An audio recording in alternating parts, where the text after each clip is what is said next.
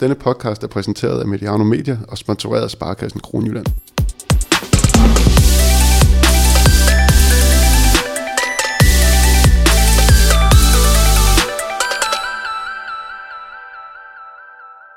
Det er mig en stor glæde at byde velkommen til den første rigtige podcastgæst, podcastgæst her på Milliardo håndbold. Og et øh, lige så stort velkommen til selve gæsten, som er nuværende assistent på damelandsholdet, Lars Jørgensen, og tidligere holdkammerat i øvrigt i AG. Tusind tak for det, Jacob. Ja, mit navn er Jacob Gren, øh, og det er altså den første podcast, jeg skal prøve at være vært på, så nu er de potentielle lyttere advaret. ja. øhm, Lars, du har jo haft en øh, imponerende karriere, må man sige. Øhm, vi, øh, vi kommer til at gå dem igennem senere, men øh, man skal bare lige høre, du tør godt lade dig interview af en, af en gammel holdkammerat. Ja, men jeg er fuldstændig tryg på dig, Jacob. Jeg okay. kan også mærke, at du er fuldstændig fuld ja, ja. så jeg er ikke det mindste nervøs. Jeg er vi kommer igennem det fra start. Øhm, men du har ikke prøvet at være med i en podcast før overhovedet? Øh, jo, en ganske kort en faktisk på, på TV2 på et tidspunkt, men det var sådan relativt kort i et lille øh, pressemøde vindue, der var, hvor jeg lige var med i en, i en 5-10 minutters tid. Så en podcast den her vejhed her, med den dybde, vi forhåbentlig og formentlig når ud i, det, det, det vil være første gang. Okay. Øhm, Mediano, har du hørt om os? Du er stor fodboldfan. Øh, desværre ikke nok. Jeg er ikke en stor øh, podcast-lytter, men jeg er jo lige blevet kort briefet omkring det nu, så jeg, jeg skal prøve at følge med op på det. Det er bare en at downloade. Øhm, denne udsendelse er som nævnt sponsoreret af Sparkassen Kronjylland, men der er faktisk tale om lidt mere end det. Sparkassen Kronjylland er faktisk medvirkende til, at vi nu kan lave et helt nyt håndboldmedie, og som Lars siger, er det noget, hvor vi gerne vil gå lidt i dybden. Det fagner både herre- og kvindelandshold, og Lars, du repræsenterer jo, jo lidt begge dele nu, når du er blevet øh, assistentlandstræner. Øhm, og vi skal også senere snakke om øh, jeres kamp mod øh, Tjekkiet, som øh, er der om halvanden uge, I spiller, I spiller dem. Yes. Men Lars først, øh, 192 landskamp, 144 mål. Ikke umiddelbart prangende.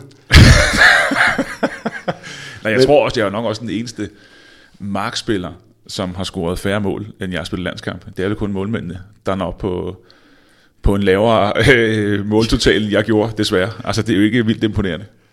Jeg bliver nødt til at krybe til kors og sige, at jeg tror, jeg har 10 mål i min øh, beskedne 11 landskamp. Men det indikerer jo lidt, at det var, øh, det var øh, i forsvaret, du, du excellerede. Men vi bliver nødt til lige at melde de yngre lytter om, at du faktisk var en glimrende, var det venstre bak?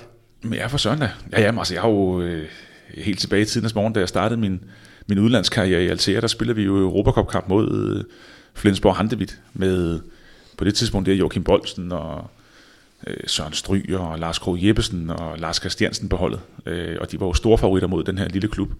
Øh, og på, vores, på hjemmebane, der laver jeg syv mål, tror jeg. Syv rene. Og vi vinder med et eller to, og det var en kæmpe overraskelse, at det kunne lade sig gøre. Og så tager vi faktisk til Flensborg øh, ugen efter, og formår at, jeg ikke, vi vinder med en eller to, øh, men der laver jeg ni rene mål. Og jeg har også præsteret faktisk på Kasper Witt i Palau Blaugrana i Barcelona og lave otte mål på en halvleg. Jeg var så fuldstændig øh, tomat rød i hovedet, altså meget værre end Bolsen nogensinde har været øh, ved pause, og jeg var næsten, øh, det, var, det var simpelthen så hårdt for mig at spille forsvar i så jeg blev næsten blive båret ud til pausen. Og jeg har så også kun to skud forbi mål i anden halvleg. Det var så det, jeg præsterede. Men jeg, jeg brugte al min, øh, min energi og al min kraft i første halvleg.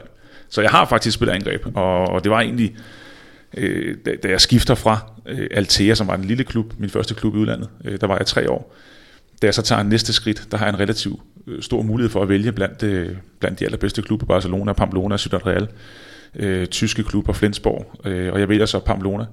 Og, og er jo egentlig købt ind, og det første sæson er jo faktisk startende på venstre bak foran øh, dygtige spillere, altså Lozano, som var en, en meget, meget dygtig vensterbak, øh, øh, Lasse Bosen var der også på det tidspunkt der, øh, men, men jeg er faktisk startende i angreb på det tidspunkt der. Øhm, ja, men det, så er det jo, kan det jo være, at der er nogen, for eksempel Lasse Bosen, der skal være glad for, at du blev skadet. ja, det kan godt være. Altså så får jeg så den her rygskade, som ligesom begynder at og, og ødelægge det meste af, af min første sæson. Øh, og, og da jeg så bliver opereret i ryggen efter, efter sæson 1, der er det meget naturligt, at jeg øh, starter i forsvaret, øh, da jeg kommer tilbage. Og, og, og både øh, godt og dårligt for mig, tror jeg, at jeg øh, ender med at stå der, fordi det er jo klart, at jeg har jo så faktisk kun øh, spillet forsvar siden, siden dengang. Og, og det har også været med til at forlænge min karriere, tror jeg, til at jeg har kunne, kunne spille med mere eller mindre på topplan frem til jeg næsten fyldte 40 år. Jeg skulle også til at spørge, om du var blevet lige så god i forsvaret uden skaden. Det lyder lidt som om, at, at, at du har haft meget mere fokus på forsvaret. Øh, øh, det var jeg ikke. Altså, det, var, det er også en, en, en, en, en spændende historie, synes jeg, fordi da jeg, da jeg bliver skadet, er jeg jo egentlig tovejsspiller, og, og, og forsvarer jeg også med på landsholdet primært som, som forsvarsspiller. Øh, da jeg så bliver skadet, møder jeg den her øh, spanske atletiktræner, øh, som virkelig øh, åbenbar øh, mit syn på, på træning, mit syn på håndbold. Altså han vidste nul og niks om håndbold. Han var sad på sådan et, hvad kan man kalde sig, et kraftcenter, et, et, et svarende til sådan Team Danmark øh, center, hvor atleterne kan komme ind og træne. Øh, det var det var så atletik. Og, og da jeg kom over til ham, så siger han så, hvad, hvad laver du? Så jeg spiller håndbold, og han har jo kun set 3-4-5 håndboldkampe hele hans liv. Så siger han så, hvad, hvad gør du så? Så, så gør jeg sådan her. Og, Jamen så, hvis, du, hvis jeg nu angriber dig ud på siden, hvad gør du så? Så stikker jeg hånden ud, siger jeg så, og stopper dig. Og så slår han sådan min hånd væk. Så slår den væk, så siger han så, altså Lars, den der hånd, den stopper du ikke nogen med. Du er alt for svag. Du er alt for svag i din underarm, i din håndled, i din albuled, i din skulder, i din mave, i din ryg. Du skal være meget stærkere. Men nu du er her med ryggen, så kan vi godt bare øh, træne det også, og så ser vi, hvad der sker. Og så træner jeg med ham øh, i, ja, altså ret mange timer, træner måske 4-5 timer hver dag med ham. Øh, alle mulige mærkelige øvelser. Primært for ryggen, men også underarme, håndled, øh, albuled, alle mulige ting kommer vi igennem. Og det bliver bare sådan flettet ind i en normal træning, så jeg tænker ikke videre over det. Indtil jeg så bliver faset ind i vores håndboldtræning igen. Og øh, før nævnte Lasse Bosen kommer løbende, så løb ind over midten, og så går jeg sådan ud og, og takler ham, som jeg plejer at gøre. Og så flyver han sådan tilbage, og siger han så, hvad fanden du gang i, Lars? Og så står jeg selv på min arm og tænker, hold kæft Lasse, det ved jeg fandme ikke. Altså jeg var bare blevet he på, øh, på fire måneder. Og, og, og det fede ved det her var, og det skræmmende ved det var, at vi snakker altså en mand, som ved noget, der ikke som håndbold. Og jeg er gået op af håndboldspillere altid, håndboldtrænere, øh, U-landshold, Y-landshold, øh, dygtige folk. Og der er ikke nogen, der har sagt til mig, Lars, det her det er et problem. Når du får under stregen for bolden, så kan du ikke vinde over ham. Når du kommer ud, så er du ikke stærk nok. Når han går på siden af dig, så kan du ikke holde ham. Og det var sådan en mand, som ikke vidste om håndbold. Som på, hvad skal jeg sige, 3-4 måneder forbedrer han mit spil med 40% måske. Men hvis det var så stor en åbenbaring, som det tydeligvis har været, så er det lidt underligt, at det ikke er blevet taget videre, kan man sige. Jo, men jeg, altså for mit vedkommende blev det jo taget videre i forhold til, at jeg jo, øh, fra, fra den dag, jeg mødte ham, der så jeg mig ikke tilbage. Altså der var jeg fuldstændig dominerende i mit, i mit forsvarsvirke. Jeg vidste lige præcis, hvor, hvor jeg var stærk henne, hvad jeg skulle gøre. Altså sammenhold med, at jeg selvfølgelig brugt utrolig meget tid på den tekniske, taktiske del, man kan sige, hvor man, når man står inde i forsvaret hver dag til træning og ikke laver andet, så bliver man jo god. Og jeg spillede jo på det tidspunkt sammen med øh, Christian Schelling, med Ivano Balic, med Jackson Richardson, med Matteo Garalda, med, med, med spillets allerstørste spillere. Og, og når vi trænede, så trænede vi kun stationært 6 mod 6. Der var ikke nogen kontra. Os, der dækkede op, spillede ikke angreb. Så det var bare 6 mod 6. Hvis du hver dag står og skal forsvare i 50 minutter en time mod Ivano Balic, eller Jackson Richardson, eller Matteo Garalda, altså, så bliver du god på et eller andet tidspunkt.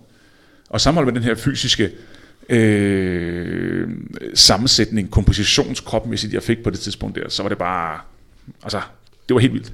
Og jeg følte mig bare totalt i kontrol i al kamp. Jamen, det var også den opfattelse, vi havde, da, da, da vi kom til at spille sammen i AG. Du lå og det var medicinbold og nogle små 5 kilos vægte, mens vi stod og squattede 100, øh, jeg ved ikke hvor mange kilo, og alligevel så havde vi ikke en chance inde på, inde på banen rent fysisk. Øhm, Udover det, så var du også øh, vildt forudseende. Øh, altså, jeg havde altid den oplevelse, at, at du vidste, hvad jeg ville gøre, øh, inden, inden jeg gjorde det. Du, fik, du stod altid der, hvor jeg gerne ville hen. Du stod altid, øh, du var altid forberedt på den aflevering, jeg gerne ville smide. Øh, det var jo sindssygt, sindssygt frustrerende for det første. Øh, var det også den opfattelse, du selv havde? Ja, jeg, jeg synes egentlig, at jeg var...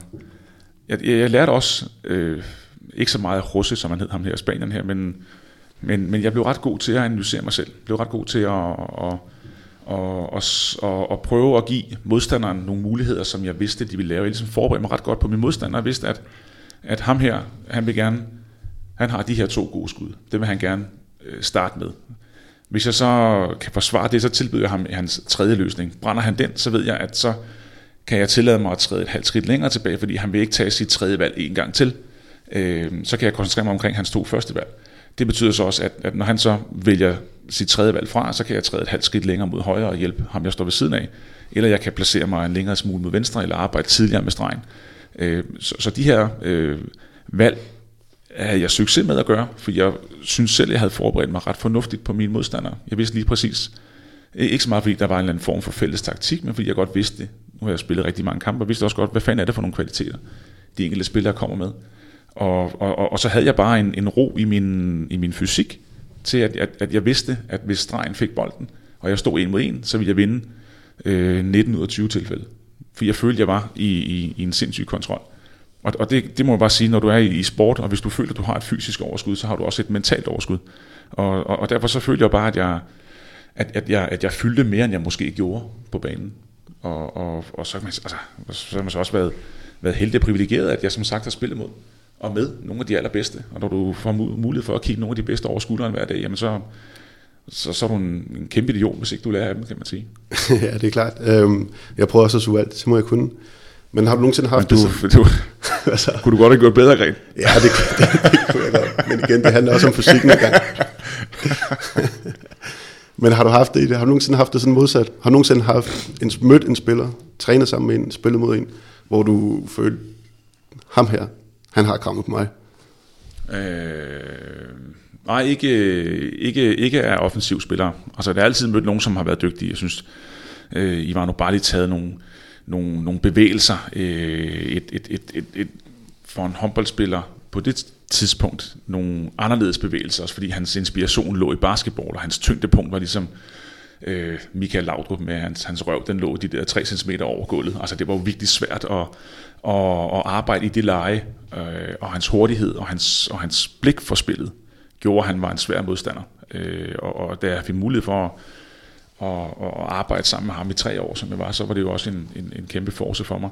Men, men af andre forsvarsspillere, synes jeg også en som, som Dinar fysisk stod meget, meget skarpt, og, og var meget bevidst om, hvor han placerede sig hen, var altid rigt, rigtig skarp på at tage den rigtige højde, og, og vidste bare, at han, han havde sådan lidt anden stil, den her bredstående stilling.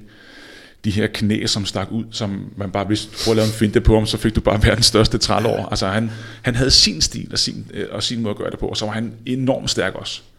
Øh, og, og, og placerede sig rigtigt. Og, og selve den, synes jeg var sindssygt fed at se på den måde, som, som Thailand Duchibayev lavede forsvaret, for mit forsvaret i Sydorel på, øh, sammen med Raul, som var på det tidspunkt spiller i Valladolid, kommer til Sydorel og bliver anden træner, og nu er Raul jo så en af, af, den her tids største træner efter hans arbejde i Varda, han skal til Paris, han skal til Paris ja. øh, næste år. Øh, den her sindssygt skarpe øh, 5-1 forsvar, de arbejder i, det var edderhug med fedt at se, med en øh, Shellman liggende ude foran, som var mega høj, men de havde også David Davis, som var en lille øh, etter, og at, at du faktisk lykkes med i et 5-1-forsvar at skabe en situation, hvor du har to vidt forskellige fremskudte spillere, som agerer møghammerende godt. Det er edderhug med en stor disciplin. Altså det, det er de færreste hold på allerhøjeste niveau, der har to så vidt forskellige typer, der kan arbejde ude i et 5 forsvar Så, så det arbejde, de lavede der, der må også bare sige, at Dinara, altså han fyldte jo også bare for, for fem mand, når han stod inde i midten. Altså er du sindssyg mand. Det var godt. Så havde de så også mulighed for at rekruttere nogle af de bedste spillere, både med Ole Fure Stefansson og Peter Medicic, og, og en, en, en skov af dygtige venstrebacks i Interias og Rutenka og med fanden jeg ikke. Altså, det var et godt hold, men, men, men selvom du har et godt hold, så kræver det altså en, en, en skarp taktik, og, og den måde, de lagde det på, det var edderhåb med fedt at se, det må jeg sige. Ja, men det var super fedt, jeg var også meget inspireret. Jeg kiggede selvfølgelig mod, mest mod David David, jeg havde ikke lige så lange arme som Kjellman, men, men, men han var nemlig, han var, han var helt vildt det, øhm, det var også lidt det, vi, det, vi prøvede i AG, Øhm, nu skal jeg nok lade være med ja. at udtale mig om niveauet på det. Men, Nå, men altså, jeg synes, det, det, det tager bare tid at arbejde. Jeg synes, det der var fedt dengang var jo, at, at, at danske typer har ikke den her flamboyante stil.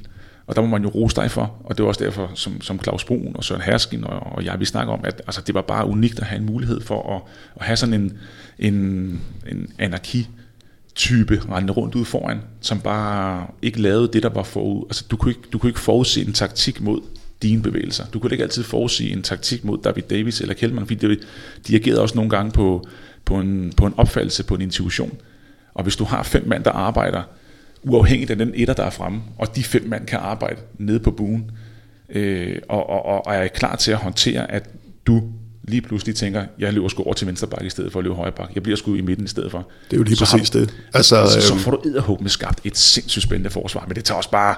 Altså det tager jo tid, og mange gange desværre håndbold, så øh, de fem, der står nede på buen, jamen så ryger der to af dem videre næste år, og så falder lortet fra hinanden. Ikke? Præcis. Nu har vi i de, nogle af de senere klubber, jeg kom til, så har vi prøvet at, at genskabe det lidt, men, men uden at det skal blive sådan helt rygklapperprogram, så havde vi jo nemlig nogle rigtig, rigtig dygtige folk inde bagved Ja. øhm, i AG, som, som var hurtige nok til at opfatte, hvad jeg gjorde, og agere derefter. Ja. Øhm, så det kræver jo i virkeligheden, tror jeg, endnu mere af dem, der står bagved, end, Ja, end jamen, det, det, det, det er sindssygt svært. Altså, det, er, det er en disciplin, og klart så forbereder modstanderne sig også på nogle af de her ting. Øh, og derfor så, så er det bare et, et, et projekt at køre. Og man kan sige, lige Real, der var de så alt dominerende, så de havde også en fast stamme, de kunne arbejde med. Dinar var der jo i mange, mange år, og Olaf Fod Stefansson var der i mange år. Karlmann var der i mange år, David Davis var der i mange år. Det er jo klart, at når du får lov til at arbejde med det hver dag til træning, og, og, og så har det en relativt patentlig type, tror jeg, både Raul og, og, og Tarland. Altså, der var ikke mange ting, der er overladt til tilfældighederne. Øh, når du får til at arbejde med det, så kan det blive rigtig godt. Øh, og det er også desværre, det er så tid jo vores allesammens problem i en, i en, i en hverdag nu, for man kan sige, at et landshold kunne jo også have kæmpe glæde af at have sådan et forsvar der, ikke? men det er bare næsten umuligt at implementere, fordi det er så tidskrævende som det er. Ja, man skal vel også have de rigtige typer, jeg ved ikke om... Og så skal du finde de rigtige typer, ikke? Øh, og, og, og det man sige, i, i Danmark, der er vi ikke så, så heldigt stillet, at der er de her øh, øh, crazy typer, øh, som du var, Gren. Eller, altså, det, der, der, er ikke, der, der er ikke så mange, der, der kan arbejde på den her, for det, du, du skal dække et kæmpe stort område ud foran, og du skal ligesom have en, en mulighed for at se spillet, du skal opfatte situationer, før de egentlig er der. Øh, og så skal du have nogle fysiske karakteristika, der gør, at du kan bevæge dig rundt i de rum her, øh, og fylde noget og, og tage chancer. Så, så det er svært. Men den dag, den type øh, kommer frem igen, så skal jeg så skal jeg fat i hende eller ham, og så, øh, så prøver vi igen at lave et, øh, et fedt 5-1 forsvar. Ja, nå lad os komme lidt væk fra det her. Du Ja, meget om øh, os, os to. Øhm, ja, du stoppede jo karrieren efter, efter sidste sæson, øhm, og, blev, øh, og blev så ansat øh, i DHF. Øhm, det overrasker mig egentlig ikke specielt meget, Claus, han spurgte dig, fordi du var et oplagt valg, kan man sige, i forhold til, hvad hans, hvor hans øh, styrker ligger. Øhm, men jeg tror egentlig selv, at du vil gå et an, en anden vej, end, øh, end at blive træner. har jeg rettet en antagelse for det første? Øh, ja, jeg tror, at jeg har haft nogle store ambitioner om at skulle blive træner. Øh, det er jo så også bare klart, når man kommer fra, øh, altså har levet hele sit liv i håndbold. Jeg har jo ligesom levet af at spille håndbold i, i 20 år, vel? Ikke? Og, og når man så kommer, øh, når man så lægger det på hylden, så er det også været mærkeligt, at man bare siger, Nå, men nu, det var det, nu prøver jeg noget helt andet. Altså vi er ligesom et produkt af det, vi kommer fra, og, og det er jo inden for håndbold, jeg har en lang uddannelse, og, og hvis skulle man bare så smide den i skraldespanden og ikke lave noget med det, det ville også være mærkeligt. Øh, I hvilken retning det så skulle gå, det var jo så også afhængigt af, af de muligheder, der opstod, og, og, og nogle gange så er mange ting jo også bygget op på tilfældigheder med, så er der en eller anden mand, der lige bliver fyret, eller der opstår en mulighed et andet sted, og ting og sager.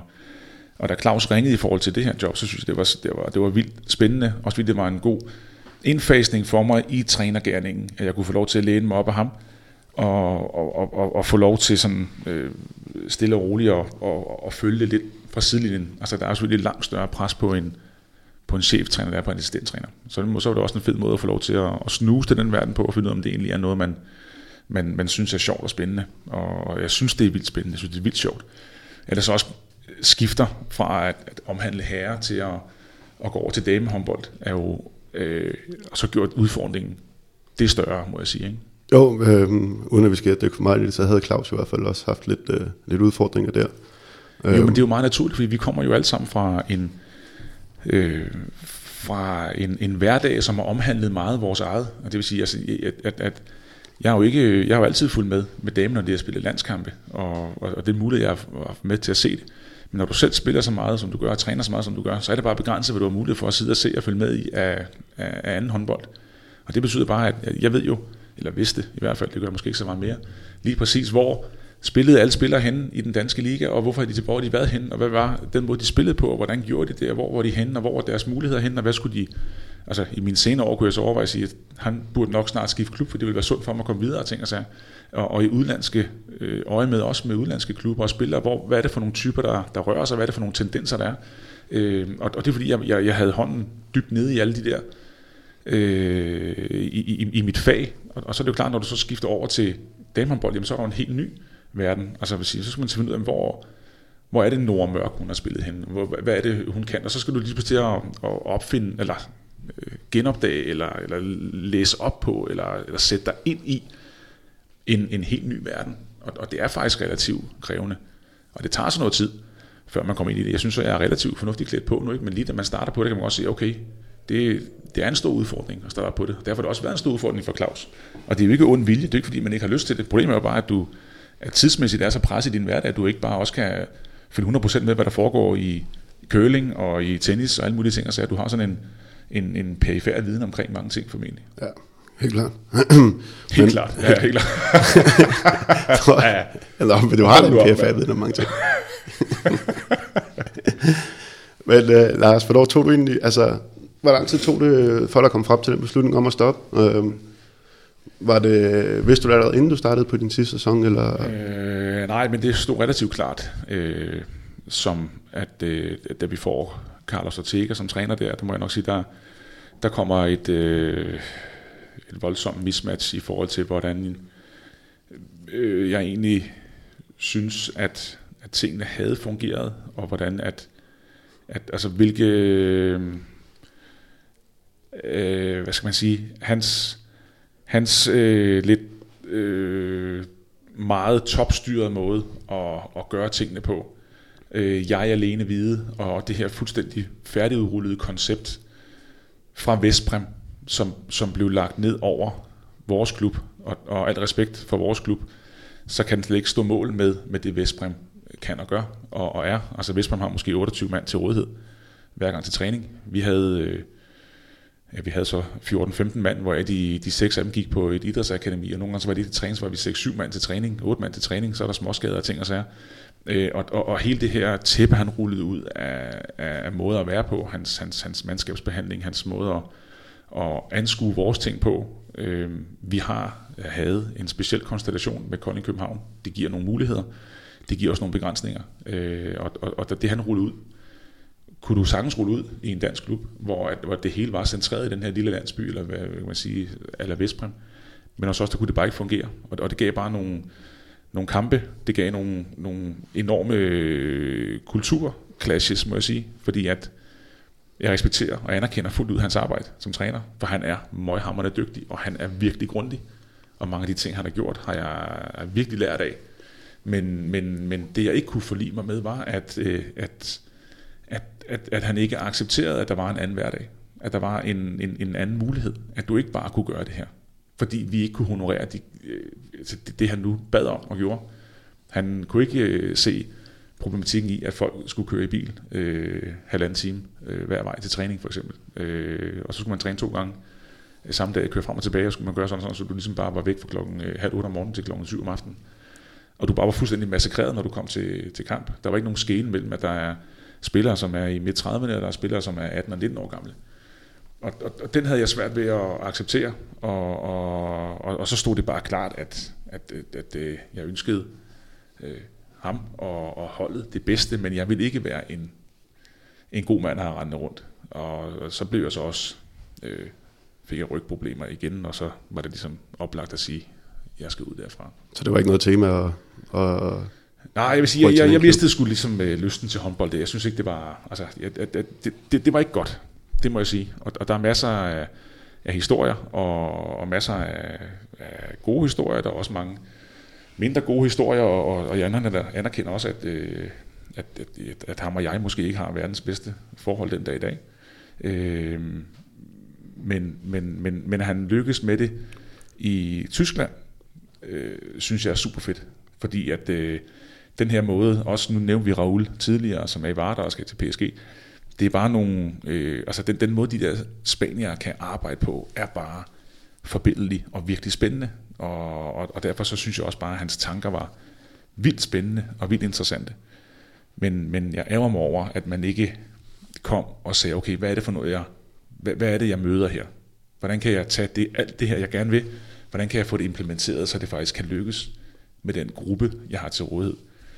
Og, og, og det var der ikke nogen mulighed for. Det miljø var, var der ikke lige i Kolding?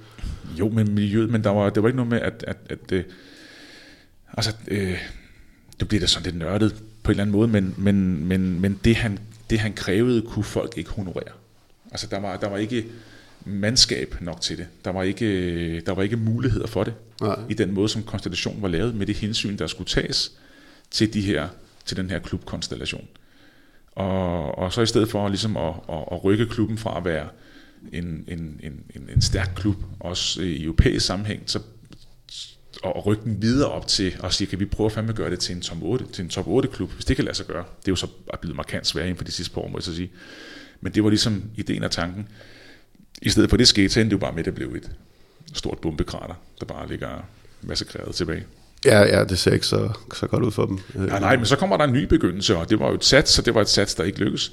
Og så, og sådan sker det i alle klubber. Altså alle klubber har jo deres optur og nedtur, og, og vores optur, altså fra vi starter vores Kolding København-projekt, så må man også bare, øh, altså nu kan folk øh, sige om det, hvad de vil, men bare nødt til at anerkende, at, at, at den måde at anskue øh, håndbold på, og en klub på, at du gentænker, altså Jesper Nielsen kom med ikke i København og gentænkte rigtig mange ting.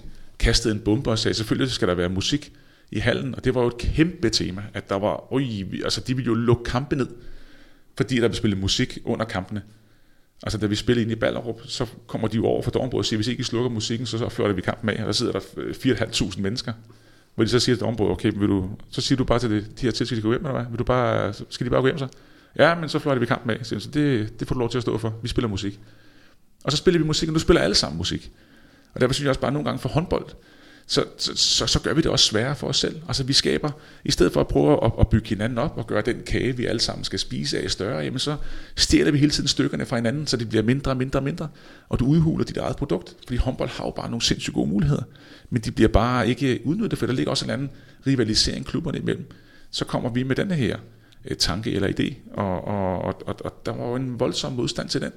Men det gav os jo nogle muligheder for at sige, hvorfor er det, at vi skal træne, som vi altid har gjort. Fordi mange ting i håndbold er jo indavl. Det er jo desværre øh, træneren, som øh, bliver leder. Han får en søn, han begynder at spille håndbold. Så får sønnen en søn, som også spiller håndbold, og træneren han bliver træner for sin søn og, og faren, og det bliver jo bare hele tiden den der samme suppe, vi rører rundt i. Og det var også derfor, jeg ender med, da vi startede den her podcast omkring Russe, den fysiske træner, at en mand, der kommer, som ikke har et kinamands forstand på håndbold, kan tage en spiller, som faktisk på det tidspunkt der var en meget, meget dygtig landsholdsspiller for, for Danmark, og en anerkendt profil i Spanien, som er på det tidspunkt der, og gøre ham 40% bedre på øh, 3-4 måneder. Det er jo fuldstændig absurd, at den mand ikke er fuldstændig top-tunet, men der faktisk ligger så et enormt potentiale og venter på en spiller. Det er jo, det, det, det, det, den vil jeg jo skyde tilbage på, på håndbold, på, på, på, på det vi er som håndbold, og det synes jeg bare er, er ærgerligt. Og det er, at der kommer utrolig få input udefra. Det er os alle sammen, som har spillet det hele tiden, som bliver træner. Og, og, og det sjove er jo i fodbold, altså, eller undskyld, i håndbold, det er jo, at, at vi laver alle sammen en rundgang. Vi laver alle sammen en Barca. Og du ser det fandme ned på U10-niveau, at der skal laves rundgang og ting og sager. Hvorfor er det lige, at rundgang er et universelt system, som er genialt? Det er sgu da sjovt. Jamen, det er jo fordi, vi alle sammen har, at vi er et produkt af det, og jeg er jo selv et produkt af det. Og det du, du, du kan jo ikke se skoven for bare træer nogle gange. Øhm, så de her input, der kan komme udefra, er spændende. Øh, og i forhold til det, jeg egentlig starter den her snak med at sige, nu øh, bliver det en lang øh, ene tale, en monolog, der bare kører. Men i forhold til, til, til Kolding København, delen, så havde vi mulighed for at sige, okay, vi træner ikke hver dag sammen. Der er faktisk mulighed for, at så træner vi sammen øh, mandag, tirsdag er der opdelt træning, hvor du har en mulighed for at, at specialisere din træning til halvdelen af det eneste halvdelen andet sted. Nogle har behov for fysisk pleje, nogle har behov for repetition af detaljer. Øh, og, og, og det første år, det var hårdt år, for der havde vi en masse af, af, af rejseri frem og tilbage. Men, men det næste år, der så vi os ikke tilbage. Blev vi danske mester, og blev danske mester igen. Vi havde et godt hold. Men der er rigtig mange gode hold, som ikke vinder. Og, og, og, og, og vi vandt. Fordi vi fik lov til at, at, at gentænke det hele og optimere. Og det gjorde så også, at spillere kunne, kunne holde længere. Det var jo fantastisk mig. Jeg havde jo ligesom mulighed for at, at pleje min fysik. Og så jeg skal bare være klar. Jeg ved alt om, hvad jeg skulle vide om håndbold på det tidspunkt, i forhold til mine bevægelser, i forhold til min, til min placering, i forhold til min øh, taktik. Men, men det, jeg havde brug for, det var, at jeg skulle holde mig fysisk skarp. Og det gav mig mulighed for det her. I stedet for, at jeg blev puttet ned i en stor pulje sammen med 17-18-årige dreng, der bare ville øh, drøne frem og tilbage, og jeg ville bare ligne en eller anden øh, levn fra fortiden, der var smadret fuldstændig. Og, og, og, og, det var bare fedt. Og, og det var også derfor, jeg synes, det var, det var fedt at få lov til at få den erfaring med. Øh, Lars, nu øh, udelukker du ikke selv at fortsætte som træner, og nu har du tydeligvis gjort dig en hel masse tanker om, hvor du gerne ser spillet øh, bevæge sig henad. Er det, er det så ikke øh, også oplagt, at du, at du gør det efter, efter landsholdet og tager et trænerjob? Jo, det kunne være. Altså jeg tror også, at øh, jeg, vil sige, jeg nyder også bare øh, situationen her. Jeg synes, det er sindssygt spændende at arbejde med de her øh, piger, selvom det er jo så egentlig en, en begrænset kontakt, man har med dem, fordi landsholdet har, selvom man har de her 50-60 dage om året, jamen så er mange af dagene bare parkeret i forhold til rejser og, og, og kampe. Og, og det er jo som regel set i, i træning og, og, og, og på træningsbanen, uden for træningsbanen, at man ligesom kan, kan rykke nogle ting. Så derfor så er det et meget stort apparat, som kan være lidt sværere at, at gå ned i, i sådan nogle nørdedetaljer med. Men, men øh, jeg synes, det er så interessant og spændende, øh, at jeg faktisk i går var over at se nogle, øh, Øh, sådan en udvalgt træning for, for nogle 14-årige piger fra årgang 2003.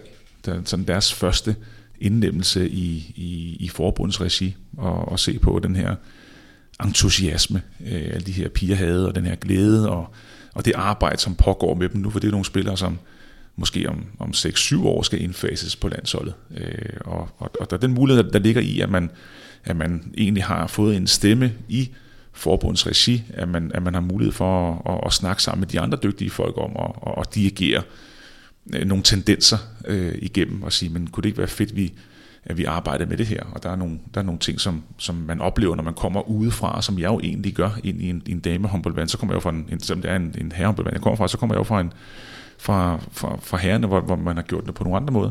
Der ligger nogle traditioner i begge, i begge lejre, både for damer og for herrer.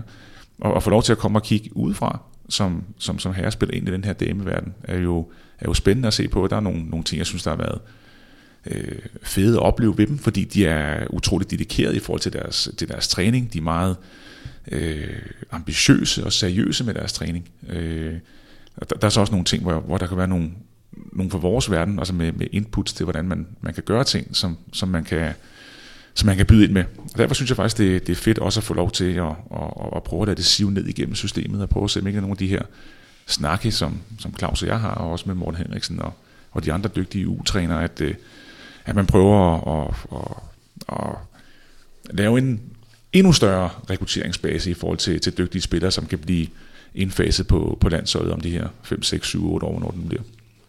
Er det så, øh, nu, nu snakker vi lidt om damelandsholdet, er det, er det så primært der, I henter jeres inspiration? Er det fra, er det fra ha, øh, den erfaring, I har fra herrehåndbold? Er det noget af det, I prøver at implementere i damehåndbold? ja, man kan vel kalde det håndbold generelt, ikke? Altså vi er jo et produkt af der, hvor vi kommer fra.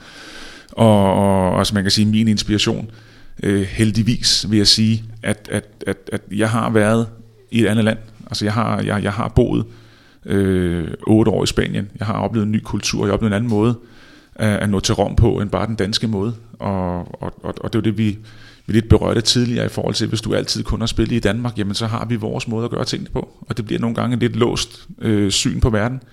Når vi så kommer ud med, med landsholdene og ser, hvordan andre lande spiller, jamen så er der en, så er der en forskel. Og, og, og, og den forskel, synes jeg er spændende, fordi det, du kan altid lære. Og, og, og når man så kommer rundt, og jeg var i Spanien, altså bare det med, at du, øh, den her kaos, der, der er i håndbold i Spanien, og hvor vi kommer fra Danmark af med et meget sådan skarpt, systematisk spil med nogle fløjkryds og nogle store kryds og nogle ting og sager, som ender ud i en andet kryds, som så ender i en mulighed for et skud. Hvor du så kommer til Spanien, hvor du bare, hvis du afleverer bolden, så ser du den ikke igen. Fordi så er de andre bare begyndt at mose på en mod en og to mod to, frikast, en mod en, to mod to. Og, og, og det lærte man.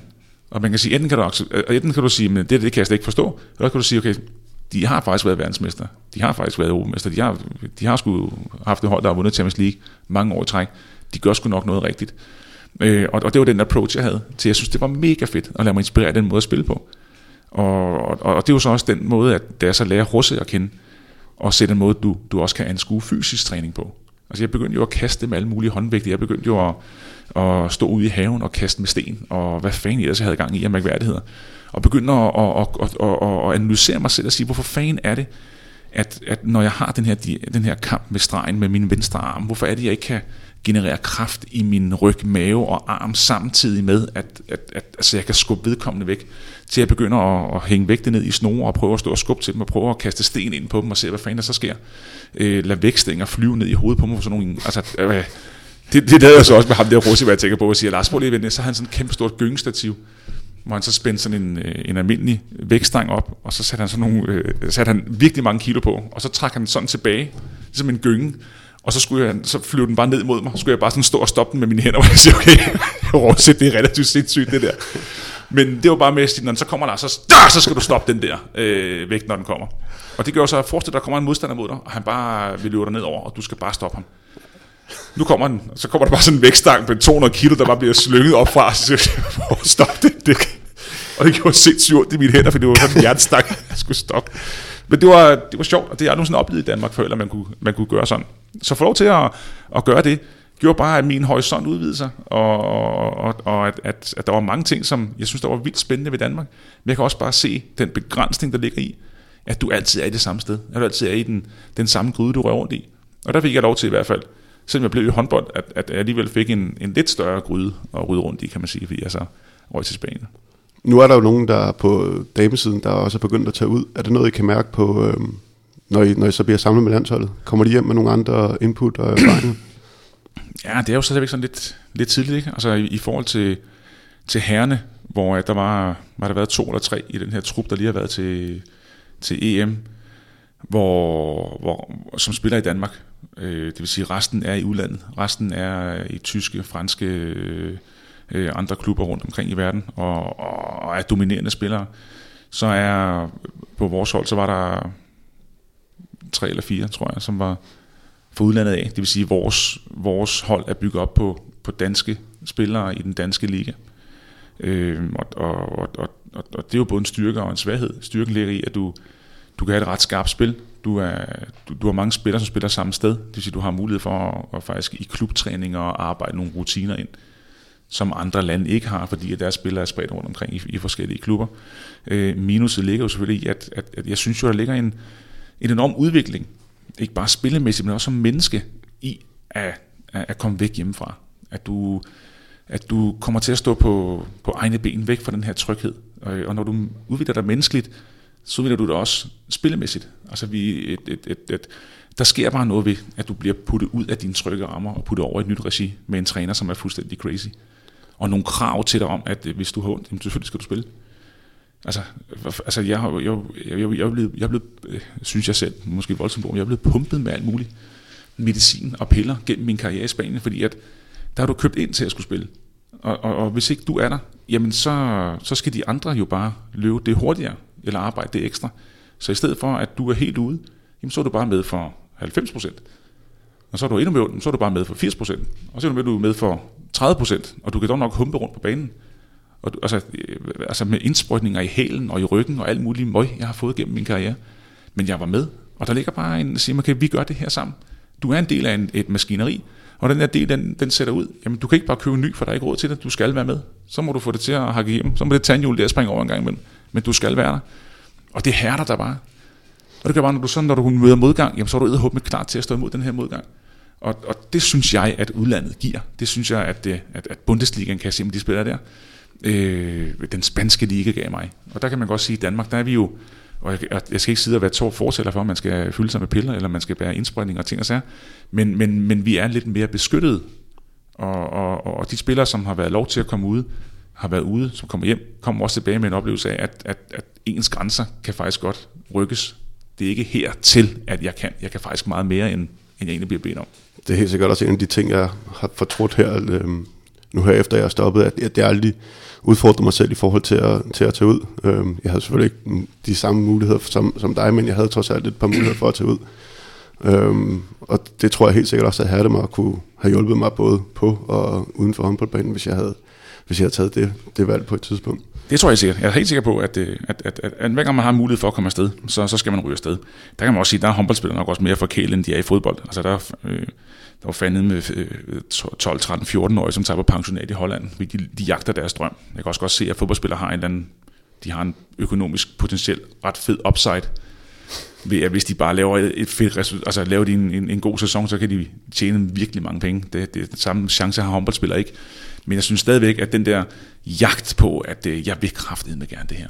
Jeg skal simpelthen, jeg, jeg kan ikke sige nej til det her. Jeg skal bo på et eller andet lortet pensionat i Groningen, eller hvor fanden det er, de putter mig hen. Jeg gør det bare.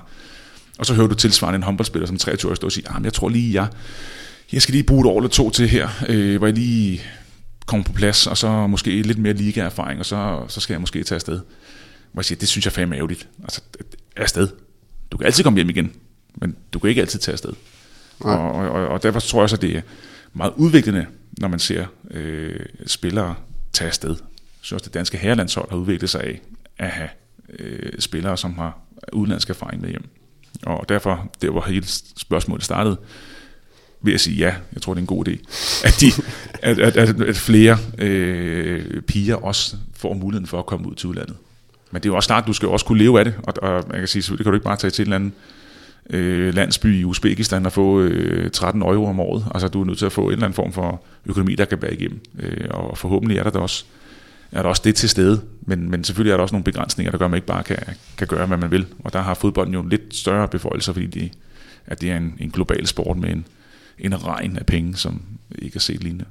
Ja, så øh, kan man sige, så har nu, nu er der så andre ligaer, der er begyndt at komme øh, over, over den danske liga, men, men, men den danske dameliga har jo også for nylig været en af de mest attraktive at spille i, kan man sige. Så ja. der incitamentet til at tage ud har måske ikke været lige så stort. Nej, det, det er også rigtigt. Så, så, så der ligger også nogle forklaringer der. Men så den generelle snak om udvikling af individet, udvikling af spilleren, øh, det tror jeg øh, vil være positivt, hvis der kommer en form for kulturel sparring, i og med at man har et, en eller anden form for udlandsophold i hvert fald. Lad os lige prøve lidt, vende lidt tilbage til jeres øh, kampe mod Tjekkiet. Øhm, I har lige været... Øh, hvad så, der? Du sidder og griner. Nej, jeg smiler, jeg smiler bare til dig. Nej, jeg smiler til dig. Ja, okay, ja, fint nok. Øhm, det er de første kampe, vi skal spille efter øhm, den seneste slut, slutrunde. Øhm, hvad har evalueringen været på slutrunden?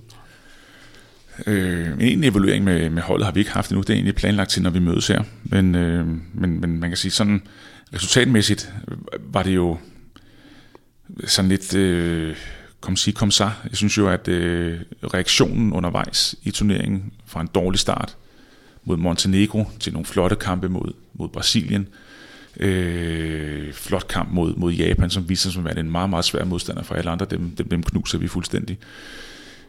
Henover en 8. mod værtsnationen, øh, det er meget, meget sjældent i håndbold, at du slår værtsnationen ud i en åndedelsfinal. Øh, historisk set, der sker det måske oftere på damesiden, det gør på herresiden, men på herresiden er det fuldstændig utænkeligt, at du kan slå værtsnationen ud. Fordi der ligger nogle økonomiske interesser i, der gør, at værtsnationen som regel set kommer øh, videre, øh, i hvert fald til en kvartfinale, og som også, også til, til, til den sidste øh, finale weekend. Så vi lykkedes med at slå tyskerne ud på hjemmebane med en, rigtig, rigtig stærk præstation. Det var edderhåb med fedt. Og det, det viste bare en, det potentiale af den karakter, som holdet har. Øh, så når vi så hen til den her svenskerkamp, øh, kvartfinalen, hvor, hvor vi egentlig ligger godt for land, og, og ender med at tage, altså kommer så langt bagud, og ender med egentlig at have mulighed for at komme op igen til sidst. Øhm, og, og, og svenskerne har et, et, et, et, et godt hold, og, og dem kan du godt tage til, og det gjorde vi. Men vi kunne også godt have ønsket, at vi var kommet det skridt videre. Øh, jeg må så også sige, at, at det, var en, det var en hård turnering. Altså vi har syv kampe på 11 dage, og, øh, og de sidste fire dage, der har vi tre af de andre dage, det er rejsedage med nye hoteller, og, og, og det, var, det var virkelig hårdt. Øh, og, og, og en lille detalje er bare, at, at kampen mod svenskerne ligger så også tre timer tidligere, end alle de andre kampe har været. Altså vi får til den her forskudte døgnrytme, fordi at TV2 og, og det er har mulighed for at bestemme tidspunkter for, hvornår vi spiller.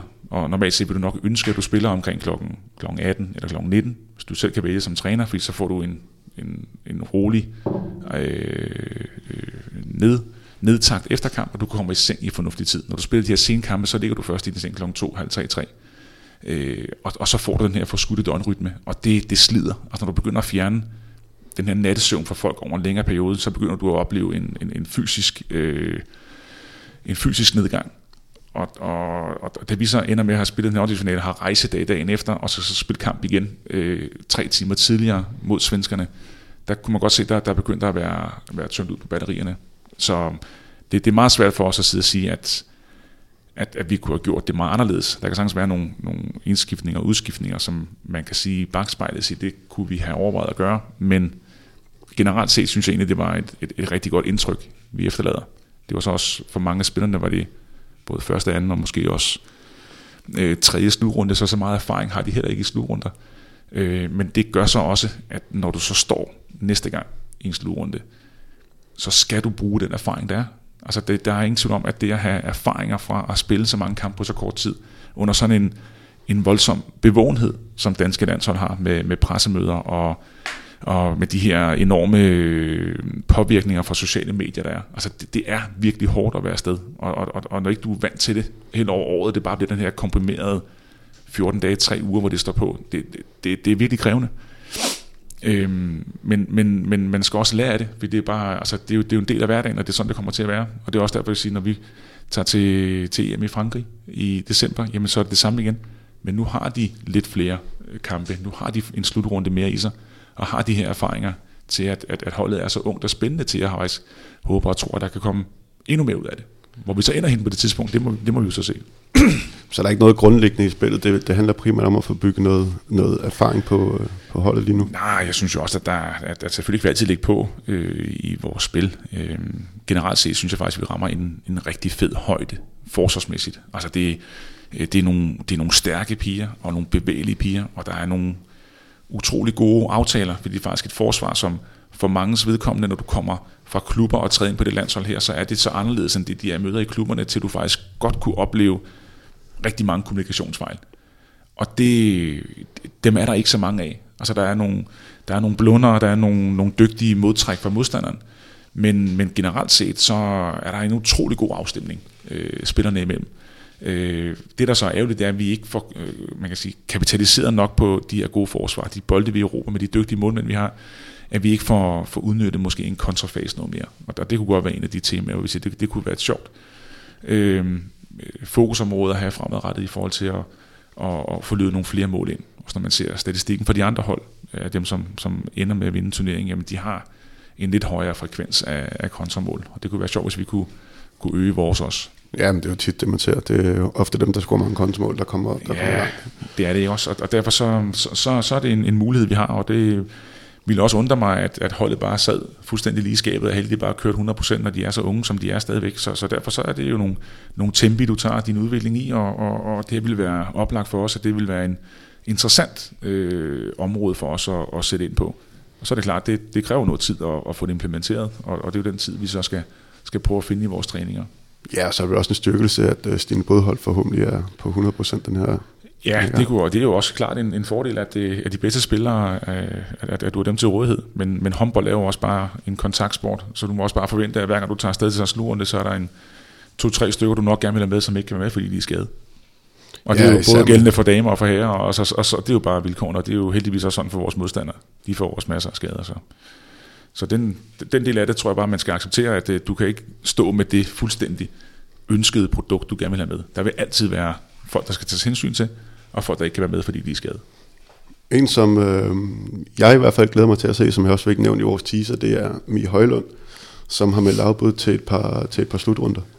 Øh, hvad, øh, får, vi hende, får vi hende at se spille lidt? Ja, helt sikkert. Ja, hun er jo utrolig spændende. Og det vil så være første gang, jeg personligt har mulighed for at, at, se hende spille. Og med, men, men hun, hun har nogle kompetencer, som jeg tror vil, vil klæde holdet rigtig godt i forhold til en, en, en gennembrudskraft, nogle, en, et, et fintespil, øh, som, som er ikke så øh, åbenlyst, at, at der er så mange af i Danmark, øh, og så, så skyder hun også øh, utrolig hårdt. Så hun vil, ingen tvivl om, hun vil, vil gøre mulighederne endnu større for os. Øhm, lad os snakke lidt mere om, øh, om jeres, øh, jeres forsvar. Øhm, Altså, I, I står ofte i en, øh, i en 6-0. Clausen øh, Claus han var ude og sige hurtigt, at han gerne ville dække øh, rigtig, rigtig offensivt. Er det noget, I stadigvæk arbejder hen imod? Ja, jeg, altså jeg synes jo egentlig, at, øh, at vi blev ligesom skudt i skoene, at, øh, at jeg ville stå helt defensivt 6-0, og Claus han ville øh, fræse rundt ude på midterlinjen, når vi dækkede op. Øh, og, og det er jo langt fra sandheden. Altså jeg har jo et, en intention om, at jo længere væk du fjerner din forsvarslinje fra, fra, fra, fra din målmand, jo, jo sværere kan det være for, for modstanderen at score. Og de ting, øh, de taklinger, du laver ude på, på 10 meter eller 12 meter, bliver ikke taxeret lige så slemt, som hvis du laver dem ind på 6 meter. Så hvis du holder fast om en, modspiller, en modstander inde på 6 meter, så bliver det altid vist ud. Går det samme ud på 10 meter, så sker der ikke noget. Så derfor, jo mere du kan rykke din forsvarslinje væk fra, fra, fra 6 meter, jo, jo, jo flere spillere kan du holde på banen, fordi du undgår udvisninger og gule kort og sådan noget. Øhm, og, og altså man kan sige, mere sårbar bliver du selvfølgelig også, fordi der kommer til at være nogle, store, nogle større områder, de kan, de kan lukrere på. Men, men den måde, som, som spillerne arbejder på, den fysik, de har, og den størrelse, de har, gør bare, at, at, at jeg synes, vi fandt en god højde omkring de her 8,2-8,4 meter, altså lige de her mellem 8-9 meter, hvor jeg, hvor jeg synes, at, at, at der stod vi rigtig, rigtig godt. Og vi behøvede ikke komme så langt frem. Vi kan godt skyde frem nogle gange på vores baks og, og prøve at genere opspillet. Men den her tæthed, der lå, og den, den styrke, og, og de skud, vi så tilbød, ville være for lige på den anden side af 9 meter. Der har vi bare nogle gode målmænd, som redder de bolde. Så, så jeg synes egentlig, at forsvaret der har fundet sin, sit, sin, sin, sit gode leje. Altså, jeg, synes, jeg synes, at det er der, at det skal ligge. Der kan sagtens komme nuancer undervejs, nogle spillere, som gør, at vi er nødt til at reagere på en anden måde. Øhm, og man kan sige, at svenskerne viste jo også i vores kvartfinale, at, at Blomqvist, hun drillede os voldsomt med nogle, nogle gennembrud, hvor der, hvor der kom til at være nogle huller i den her ellers tætte forsvarslinje. Og, og det er jo de her udfald, vi skal have fjernet, at vi får følelsen af, at vi kommer til at, at stå noget tættere. Øhm, og, og, og det er jo en opgave for trænerne, kan man sige, at få skabt den her tæthed. Øh, at, at, at vi egentlig har en følelse af, at, at der hele tiden står en, en kammerat ved siden af, som kan dække, dække af for os. Nu siger du selv, at du er rigtig godt opdateret på damehåndbold øh, efterhånden. Øh, er der nogen, der inspirerer dig, når du kigger, når du kigger ud over håndboldverdenen, sådan ud lige nu? Især forsvarsmæssigt. Nej, jeg synes, det franske forsvar er, er virkelig stærkt. Altså, fysisk virker de meget, meget stærke. Øh, øh, det franske mandskab.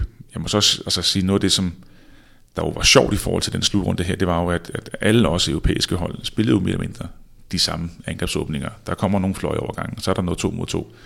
Så har vi rundgangen, så har vi de her barsebevægelser.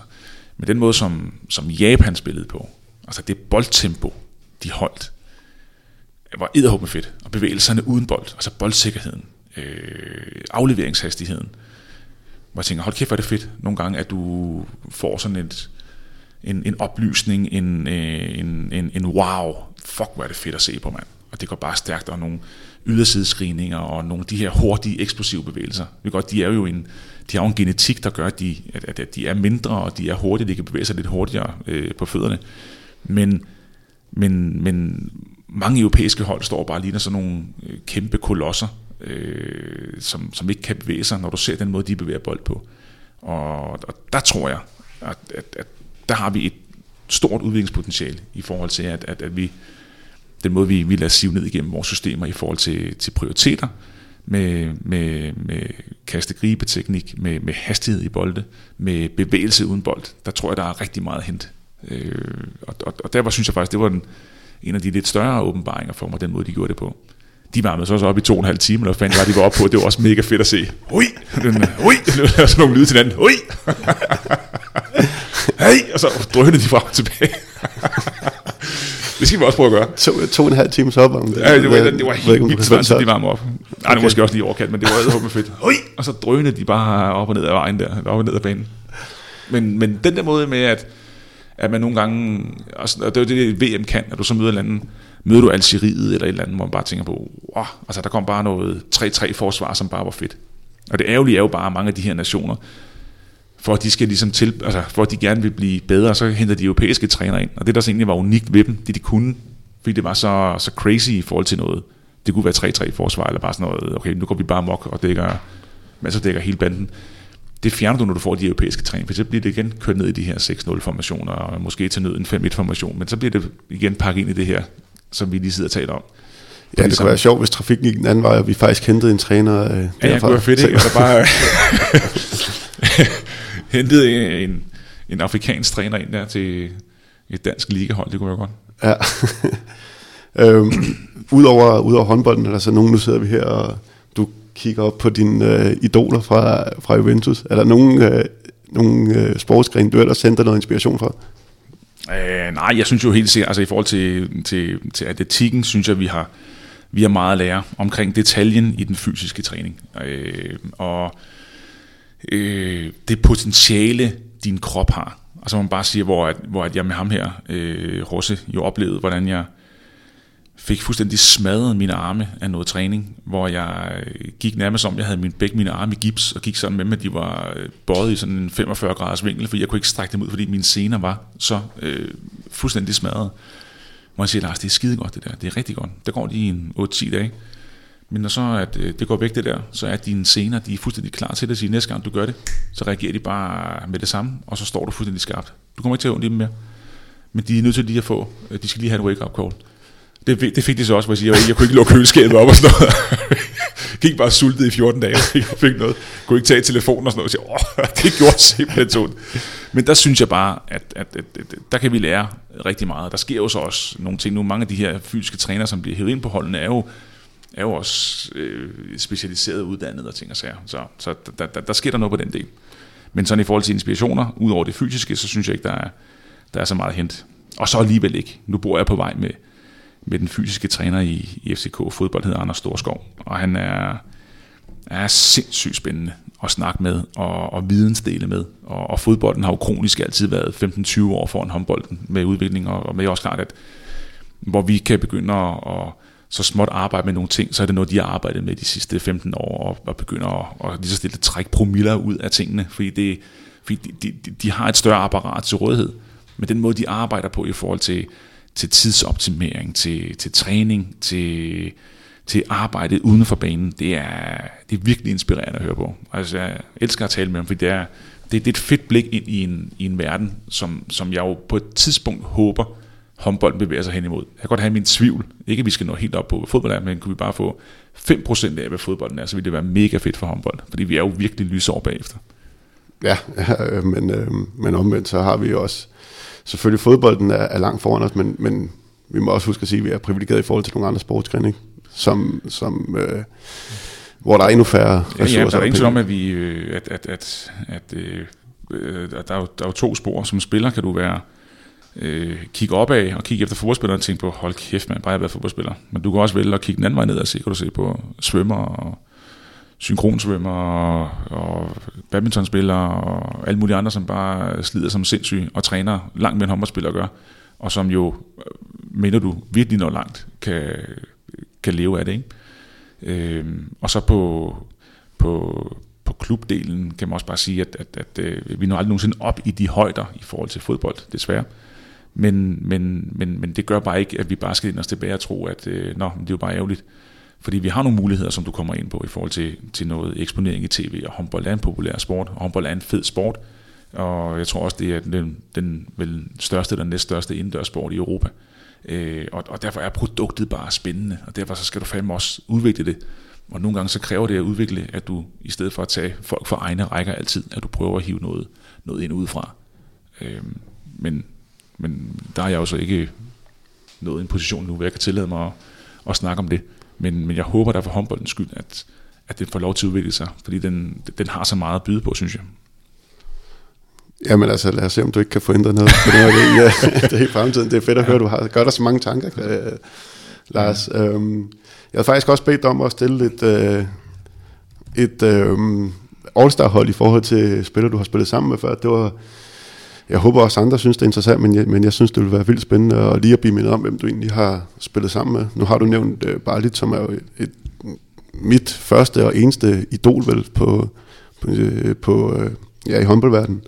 Men uh, kan du ikke lige prøve at... Jeg var også glad for smøg og kaffe. Jo. Ja, men, det vidste jeg ikke, men, men, men måske derfor, jeg kan relatere.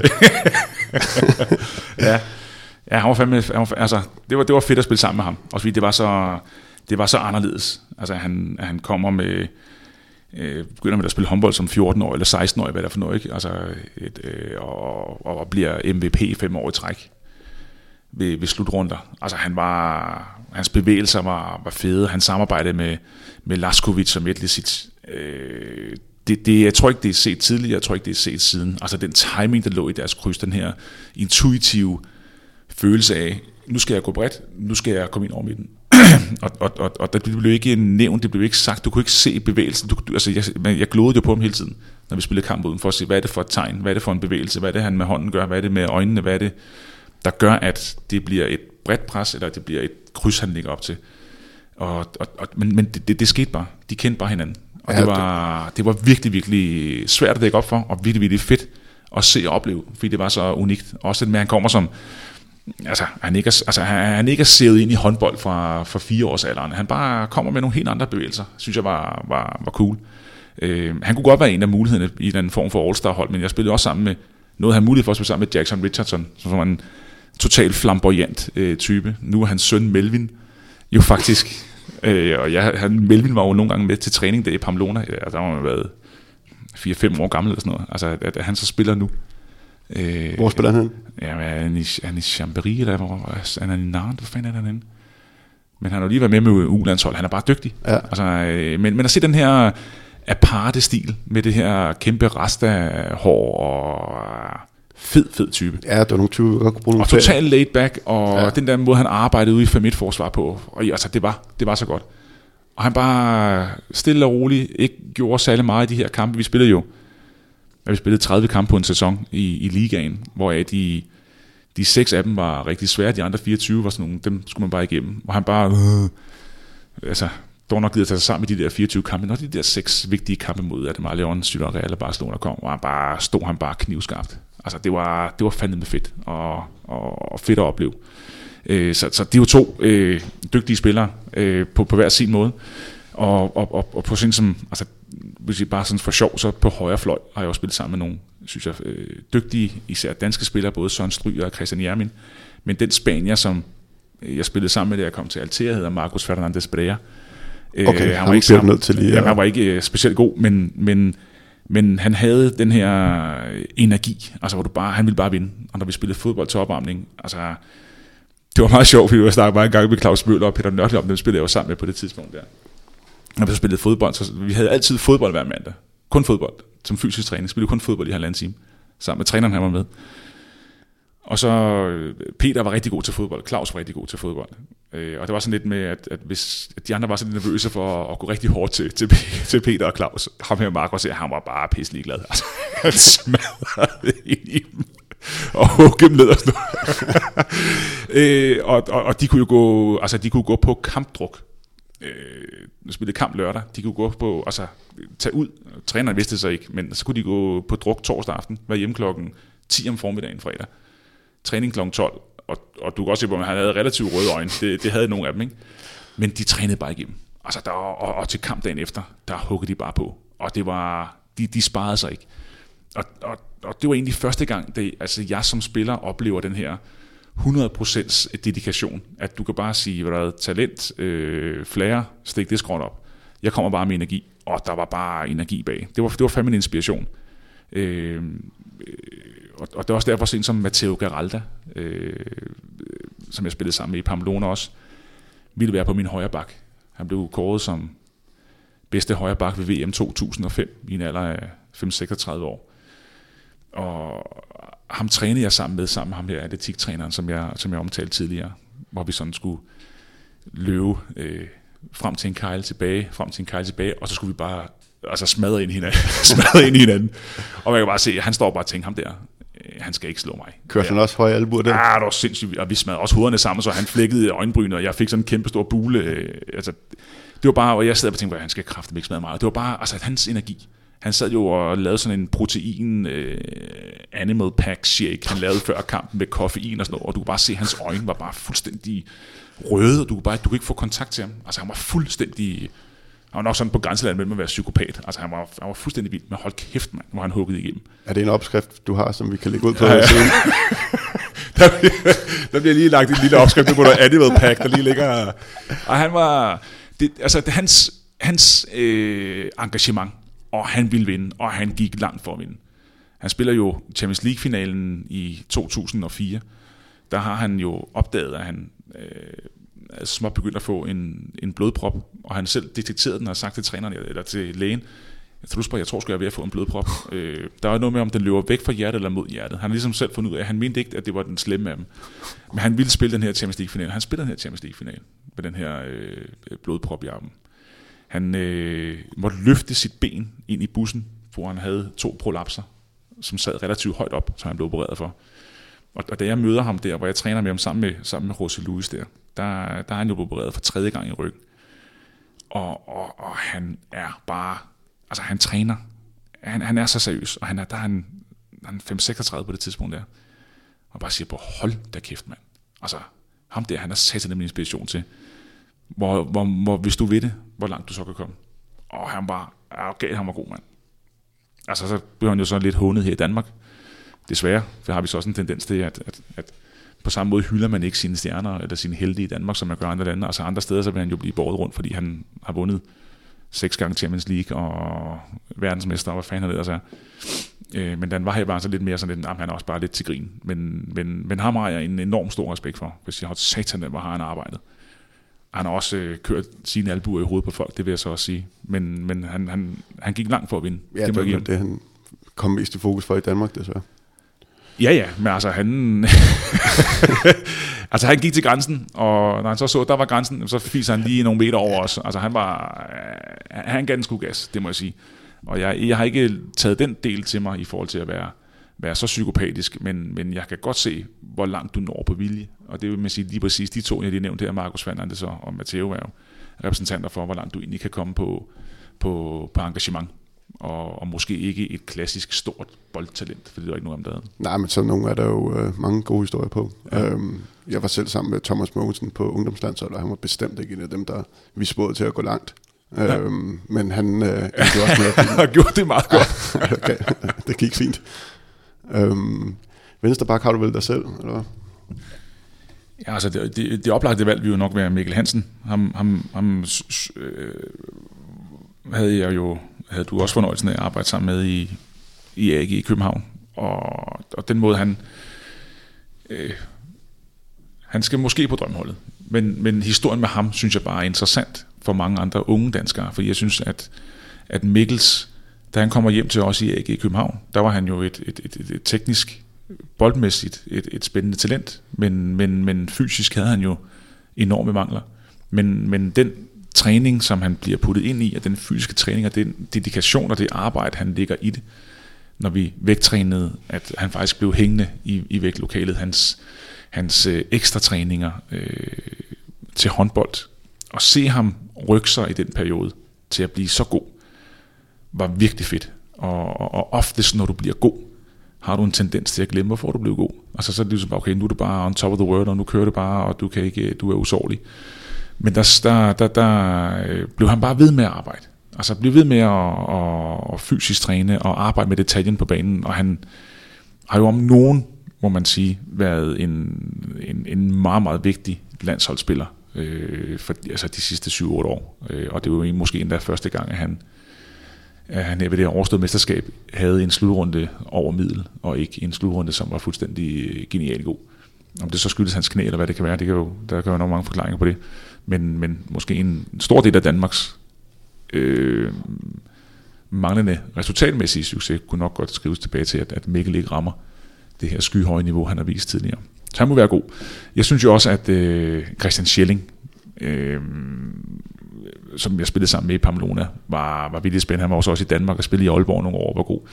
Da han kommer til Ademar Leon, øh, på sådan en halvårskontrakt til at starte med, der havde Manolo Cardenas, som var træner på det tidspunkt der, og Kasper Witt, spillede sammen, øh, spillede i Leon på det tidspunkt, havde Manolo Cardenas fundet ham og sagt, at han kunne være sjov at få ned, så det får jeg ham hævet ned til nogle, til nogle kampe. Og han laver de mest, altså den dag i dag har jeg ikke set nogen lave sådan nogle sindssyge mål, som han gjorde. Altså han var sindssygt hammerne god. Hold kæft, nogle mål han lavede, mand. Det var helt vildt. Altså, ja, det var, altså, det, var, det, var, det var helt sindssygt. Altså det, man så i Aalborg, var også vildt, men det her, det var øh, en anden verden, hvor man siger, er du sindssyg, var han god, og han høvlede dem bare alle steder fra. Han lavede jo fandme 10 eller 12 mål i de der kampe, han var med ned i at spille. Altså bare smadre dem ind. Kraftigt med god. Men hvis jeg nu skulle have en, så vil jeg nok sige, øh, nu er jeg så også god kammerat med ham, det er på grund af det, men, men Lars Krog Jeppesen, hans sæson øh, i 2004, hvor Flensborg bliver, bliver tyske mester, øh, og, og følge hans udvikling, og hvor vigtig han var for det Flensborg-hold.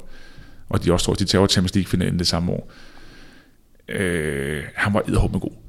Hold kæft, hvor var han god. Og også på landsholdet. Øh, og virkelig ærgerligt, at hans fysik ikke kunne bære igennem. Men den der ene sæson der, øh, det, det, var, det var noget af det bedste, jeg har set for en dansk spiller nogensinde over, over en hel sæson. Det var fandme med flot. Hold kæft, hvor var han god. Ja, øh, ja. Så jeg har, jeg har tre spillere på den der øh, venstre bak. Mikkel okay. og Lars og Schelling. Også et solidt hold, så er du dækket. Som mig selv. Ja, ja. De starter ude, de tre andre. ja. Indtil du har brændt den, øh, din halvleg af, Ja, ja, så var jeg lige plukket syv i første halvleg, ja. og så jeg mig ud. så kan Hansen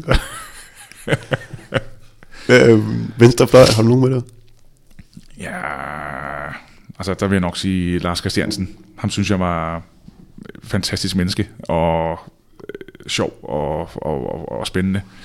Og at- da han ret unikt i 2008, at han laver, han brænder det første straffe i turneringen, der bevinder EM, og så scorer han på de næste 24, tror jeg ikke. Altså 24 straffekast i træk, og han scorer semifinalen mod tyskerne, det afgørende straffe, så vi kommer i finalen. Ja, på en meget atypisk straffe i på forhold lidt, til... Ja, på en måde også, fordi Henning Fritz havde taget en lidt anden position, han plejede at gøre på ham og sådan noget. Øh, han så skød mellem benene på ham, mener jeg, det var. Øh, han, var, han var altså teknisk at se ham, og også Nikolaj øh, stå og skyde straffekast efter træning. En, en, en teknik, jeg må sige, hold kæft, hvor er de gode. Og, og, og det er fandme de færreste fløjspillere, som går igennem en hel sæson, som han har gjort. Altså spille så mange år uden at, at have fysisk kontakt med en modstander overhovedet. Ja. At det, at det, lykkedes, det lykkedes ham over, over 25 år. Øh, Han er hold det kæft, eneste, hvor der går normalt. Var der ikke nogen skavanker overhovedet? Ikke noget. og gadedreng hopper op ad trapperne altid. ja, ja, altså fuldstændig frisk. Ja. At, øh, det, det var altså fedt at se. Øh, og, og, og en af dem, som har været med i så mange, mange år på landsholdet, både i, i, i dårlige tider, men også var med i, i de gode tider fra startnullerne, at det også kulminerer med den her 2008 guldmedalje. Det var, det var, det var fedt for ham, og det under jeg ham af, hele mit hjerte efter alle de der kampe. Han har også landskampsrekorden og, og flest øh, scorede mål. Men, men han var fandme en fed type, det må jeg sige. Og er det stadigvæk. Det er en, øh, et dejligt menneske. Så mangler vi egentlig kun øh, månedspladsen. Jeg ved ikke, om vi skal tage den med. Ja, nu har vi jo, har vi jo desværre mistet ham øh, til, til e-sport, men jeg synes jo, at, øh, at, at, at Kasper har jeg haft et fantastisk samarbejde med. Kasper Witt, øh, både i Spanien øh, på landsholdet og i AG København, og, i, og så senere hen i KF Kolding København. Og øh, nu nævner de her to spanier, Marcus Fernandes Pereira og, og Matteo Garalda, som nogen, der, der virkelig ville, ville gå langt for at vinde. Men der må jeg sige, Kasper han ligger altså lige i slipstrømmen på de to der. Han, øh, han kunne satan ned med os. Øh, og gør det formentlig stadigvæk med de stakkels øh, Det, det e-sportsfolk gør han, der. det kan jeg under på. Jeg var i praktik ja, han, han presser dem til det yderste. Men han er, han er også virkelig en, en inspiration til, hvor, hvor, hvor, hvor hårdt du kan arbejde. Og, og, og, og hvor professionel han var. Og, og de her krav, han stillede til sine omgivelser. Og han stillede store krav til sig selv, men, men han stillede fandme også store krav til omgivelserne. Og, og, og det her med, at han bare, altså den her øh, ild, der brændte i ham hver gang. Og hans kælen for detaljen, for hele tiden at, at blive bedre. Det var, det var fedt. At få lov til at opleve ham over den her lange periode, og, og, og, og for udviklingen fra Spanien af øh, til, til, til landshold. Og øh, i 2008 tror jeg også, at det ville ikke ske hverken før eller siden, at der er nogen målmænd, som har stået med, med 40% over en hel slutrunde, som han gjorde. Altså han stod jo en, en formidabel slutrunde i 2008 og, og, øh, og, og, og altså bare se hans, altså mange målmænd overgår jo altså en så aggressiv målmandstype, som Kasper var, øh, øh teknisk med at smide rundt i hjørnerne og tyre ned i gulvet og at lave de her udfald og alle mulige ting og sager. Thomas Svensson var jo en samme type, men Thomas Svensson med alderen ændrer han en lille smule spillestil til at blive en mere oprejst målmandstype. Øh, og det er jo den måde, du gør det på, fordi du kan ikke rigtig følge med i din, din fysik, kan ikke altid følge med, og, og, og du passer lidt bedre på dig selv og står måske lidt mere øh, stillestående i målet og lever på din rutine og din reaktionsstyrke. Men Kasper var jo til hans aller sidste kamp øh, samme dynamiske, øh, crazy målmandstype, som han var, da han var 19 år gammel, med at smadre rundt i målet. Og svede helt vildt, og råbe og skrige. Altså det der med, at man står med tinnitus efter en træning, fordi man har stået øh, 6 meter fra ham gennem en halvanden time, og han bare stået og råbt og skræd. Det var, det var, det var fandme sjovt. Altså, øh, at, at, at man har hentet inspiration mange steder fra. Det gør man jo igennem hele sin karriere, både øh, blandt medspillere, men også blandt, øh, blandt, blandt, blandt andre øh, professioner. Men, men, men han er en af de, de store forbilleder på den måde, i forhold til, hvor, hvor, hvor vigtig dedikation er til dit job.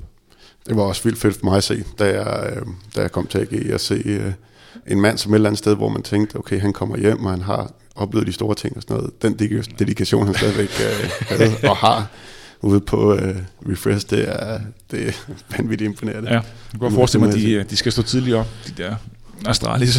det, det var lidt et, et, et, et kulturklasse, Ja. da, de- da han startede ud. Øhm, jamen Lars, du har en bagkant nu her, så jeg vil egentlig lade dig slippe for den her gang. Var det slemt? Det var super fedt, det må jeg sige. Det er jo ikke så har mulighed for at sidde og bare køre enetal i Nej. en time eller halvandet, hvad er vi oppe på. Nej, vi får Så- nok en uh, tilfreds sms fra din kone. Ja, jeg troede, det var sådan som Kasper Witt, der bare ville snakke båndet ud fuldstændig, men øh, jeg synes, jeg har været godt med. Jeg synes, jeg har snakket meget. Nå, det er dejligt, det synes jeg også. Øhm, men det er jo kun fedt. Vi skal også sige tak til Sparkassen øh, Kronjylland, som, øh, som har været med til, at vi nu kan lave et helt nyt medie. Øhm, og vi optager her onsdag morgen, men den udsendelse kommer ud mandag den 19., hvor at Mediano øh, håndbold for alvor går i luften. Jeg glæder mig i hvert fald til at lave rigtig meget mere håndbold til jer. Øhm, det er jeg sikker på, at min øh, marker Emil også gør. Vi høres ved.